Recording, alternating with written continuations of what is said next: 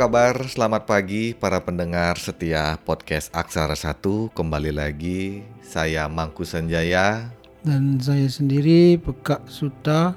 Yap, kembali lagi di pagi hari ini di hari Minggu tanggal 18 Juli 2021 kita podcast Kak Suta. Dan mungkin saat ini cukup menyedihkan juga ya. Karena Kita kembali lagi Masih pandemi ya? Pandemi dan kita kembali lagi ber apa R eh, PPKM Ya PPKM saat ini sangat-sangat eh, ketat ya. Ketat sekali saat ini karena dipakai tajuk PPKM darurat. Nah, Kak Suta untuk di eh, podcast kita saat ini mungkin bisa dikatakan podcast untuk mungkin PPKM kali ya. podcast, podcast. Pokoknya istilahnya eh, kita sambil menunggu atau mungkin session eh, inilah eh, santai ya. Kita bisa dibilang untuk saat ini masih kita masih belum masuk ke season kedua. Nanti di podcast kita ini dengan obrolan kita satu podcast ini kita bagi nanti Kak Suta. Jadi istilahnya kita bagi beberapa episode. Jadi kita potong-potong nanti. Ya Ya, jadi istilahnya akan 15 ada menit, 15 menit, 15 menit karena memang lu lihat waktunya 51 menit. jadi Ya. eh, kita nanti bagi-bagi. Jadi kita bagi-bagi Kita- ininya eh, waktunya sampai dengan kita masuk ke session kedua.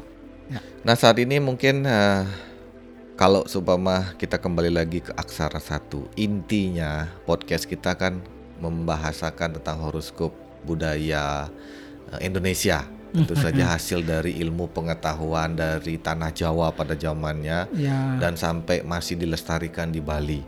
Karena kita memang mayoritas masih mempergunakan eh, eh, eh, eh, apa ya eh, sistem perhitungan wariga ini, Kak ya. Kemarin di episode ke-34 adalah uku yang terakhir Ya. yaitu Watu Gunung. Waktu gunung Jadi Watu Gunung itu sudah kita sampaikan dari mulai Sinta sampai dengan Watu Gunung. Dan saat ini adalah episode bisa dibilang episode bagaimana nih Kak Suta? Karena karena begini.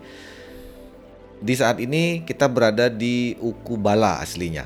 ya Minggu ini adalah Uku Bala Kak Suta. minggu ini karena kalau secara apa namanya eh, ilmu pengetahuannya pada minggu ini turunnya ukubala. Ya. Ukubala itu sendiri akan membawa pengaruh seperti apa yang sudah pernah kita sampaikan. Sampaikan di episode Ya. sebelumnya. Dan kalau kita berbicarakan nanti ya mungkin sekedar mengulas ya tentang ukubala itu sendiri. Karena nanti di dalamnya mungkin ada yang belum kita ulas secara spesifik di di apa namanya eh, podcast sebelumnya, Mhm. baik itu mengenai eh, dalam satu minggu itu dewanya, pengaruhnya, kayu dan lain sebagainya.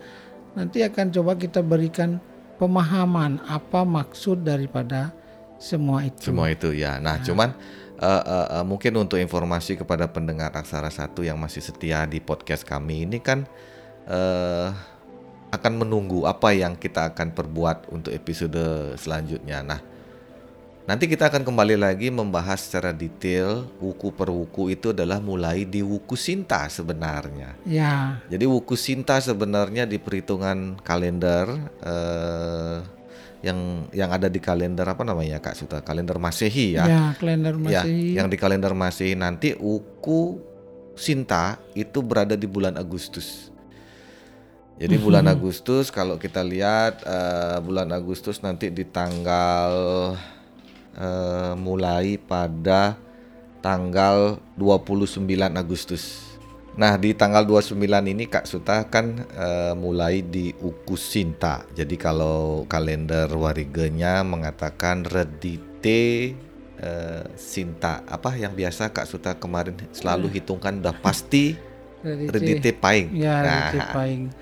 Jadi nanti di, di, di tanggal 29 Agustus kita mulai season 2. Ya, Nah, season 2 itulah yang kita akan membahas detail. Kalau seumpama para pendengar suara satu kan sering me- apa namanya? meli em, senang atau senang ya. Jadi melihat di YouTube. Jadi banyak sekali memang channel-channel yang mencoba untuk menyuarakan budaya Indonesia dengan bahasa yang cukup uh, susah dimengerti ya. Jadi kalau seumpama ada yang saya tonton ada beberapa channel yang saya tonton itu mengatakan dewanya ini terus uh, apa uh, uh, kayunya itu. Nah, saya bingung apakah memang kita ini titisan dewa atau bagaimana? Secara umum jadi karena pada zaman Wariga ini ditulis pada hmm. zaman Medang Kemuliaan namanya. Ya. Pada saat itu memang salah satu yang dominan secara keyakinan hmm. adalah pada situ adalah Hindu. Hindu. Maka weton ataupun wariga itu sendiri uh, dipengaruhi oleh uh, budaya Hindu itu sendiri. Oh iya iya iya sama seperti Sehingga, horoskop yang ya, seperti Yunani itu kan jadi dewanya pada zaman itu ya. Ya, ya, ya jadi dipengaruhi oleh hal-hal seperti itu maka ada nama-nama dewa di dalamnya di mana nama-nama dewa itu sendiri adalah sebagai simbol daripada manifestasi daripada Tuhan itu sendiri mm-hmm. dalam bentuk apa namanya karakter. Oke. Okay. Karena dalam manifestasi Tuhan itu bermacam-macam ya. Yeah. Ketika kita masuk ke ranah uh, weton, maka manifestasi Tuhan itu atau yang disebut dengan uh, nama dewa, dewa yang disebutkan itu bukan berarti meyakini banyak dewa.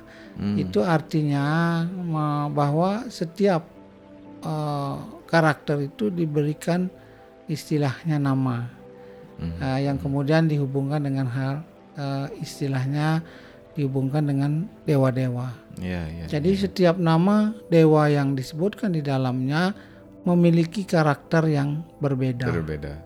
Jadi, Jadi set, kita flashback contoh wuku uh, apa namanya Uku Watu Gunung gitu yang kemarin ya. minggu kemarin dewanya Batara Ananta Boga. Jadi ya. istilahnya memang karakternya ada di Aha. itu. Jadi apa yang istilahnya dibahasakan karakter dewa itu kalau secara spesifikasi kita bahasakan misalnya ya kita menyebut nama dewa Brahma itu karena dalam hatinya dewa api jadi tentunya akan membawa karakter keras hmm. dewa Siwa akan mengingin ingin selalu bisa mengalahkan orang lain tapi Kak Suta kalau seumpama karakter dewa. Apakah benar dewa itu ada 30 karakternya? Kalau secara karena ini semua uku ada nama dewa yang kita tidak kenal. tidak. Ya, kenal. jadi di dalam apa namanya uh, Hindu ya. ya itu bukan 30 lagi, banyak ya. Mungkin banyak. Okay. Jadi dominan yang bisa disebutkan ya di sana adalah mungkin sebanyak uku itu sendiri. Ya, jadi ini ini mungkin dewa-dewa yang uh, ini apa namanya lebih terkenal. Hmm. artinya banyak menimbul, artinya yang berpengaruh banyak, yang berpengaruh uh, apa namanya dominan.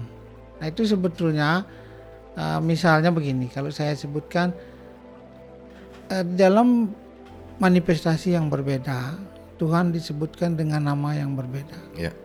ya contohnya begini ketika Pak Pak istilahnya Pak Mangku sendiri menjadi seorang petani tidak mungkin dipanggil uh, supir. Hmm. Karena ya petani ya dipanggil petani. petani Pak Tani gitu ya, ya kalau sama di buku SD, Tani. Pak Tani. kalau seorang supir ya dipanggilnya supir. Ya Pak supir. Ya jadi berbeda fungsi maka berbeda pula namanya. Hmm.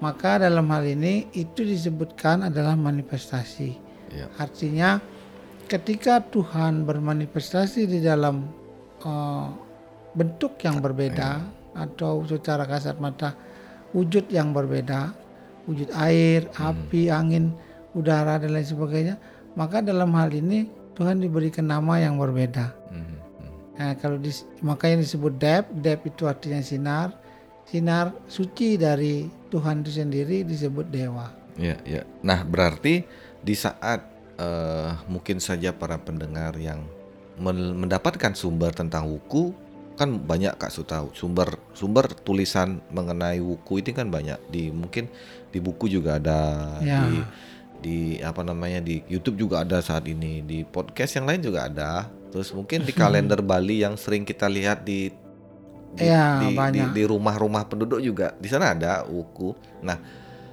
dengan adanya dewa masing-masing penjelasan karakter dari horoskop uku ini berarti mencerminkan eh, apa namanya tadi Kak Suta bilang karakter. Jadi Ya, eh, dia ke mana eh, karakternya? ya. Berarti kan kalau seumpama seperti saya pribadi tidak tahu yang namanya Betara Ananta Boga, jadi saya harus cari sumbernya dong. Maksudnya adalah begini, arah dominan menurut eh, riset yang pernah dilakukan pada zamannya, Ya. setiap kelahiran yang terjadi pada uku yang bersangkutan, maka memiliki eh, dalam masa hidupnya, karena ini riset terjadi mungkin beribu beribu-ribu tahun, sehingga orang bisa membuat satu kesimpulan bahwa setiap kelahiran yang terjadi pada hari-hari tertentu, misalnya pada uku tertentu, maka di dalam perjalanan hidupnya akan selalu dicatat bahwa uh, ada uh, mungkin dari beberapa persen dia dominan persentasenya sama. Jadi kejadian itu sama, kemudian peruntungannya sama, kemudian karakternya juga memiliki kesamaan Ya. kemudian secara eh, rezeki dan lain sebagainya mereka memiliki juga hal yang sama Mhm. kemudian emosional mereka juga sama nah untuk membuat atau mempermudah orang pada zaman mengingat maka dibuatlah baik itu nama dewa nama kayu nama apa namanya eh, Burung. burung atau binatang, Binatang.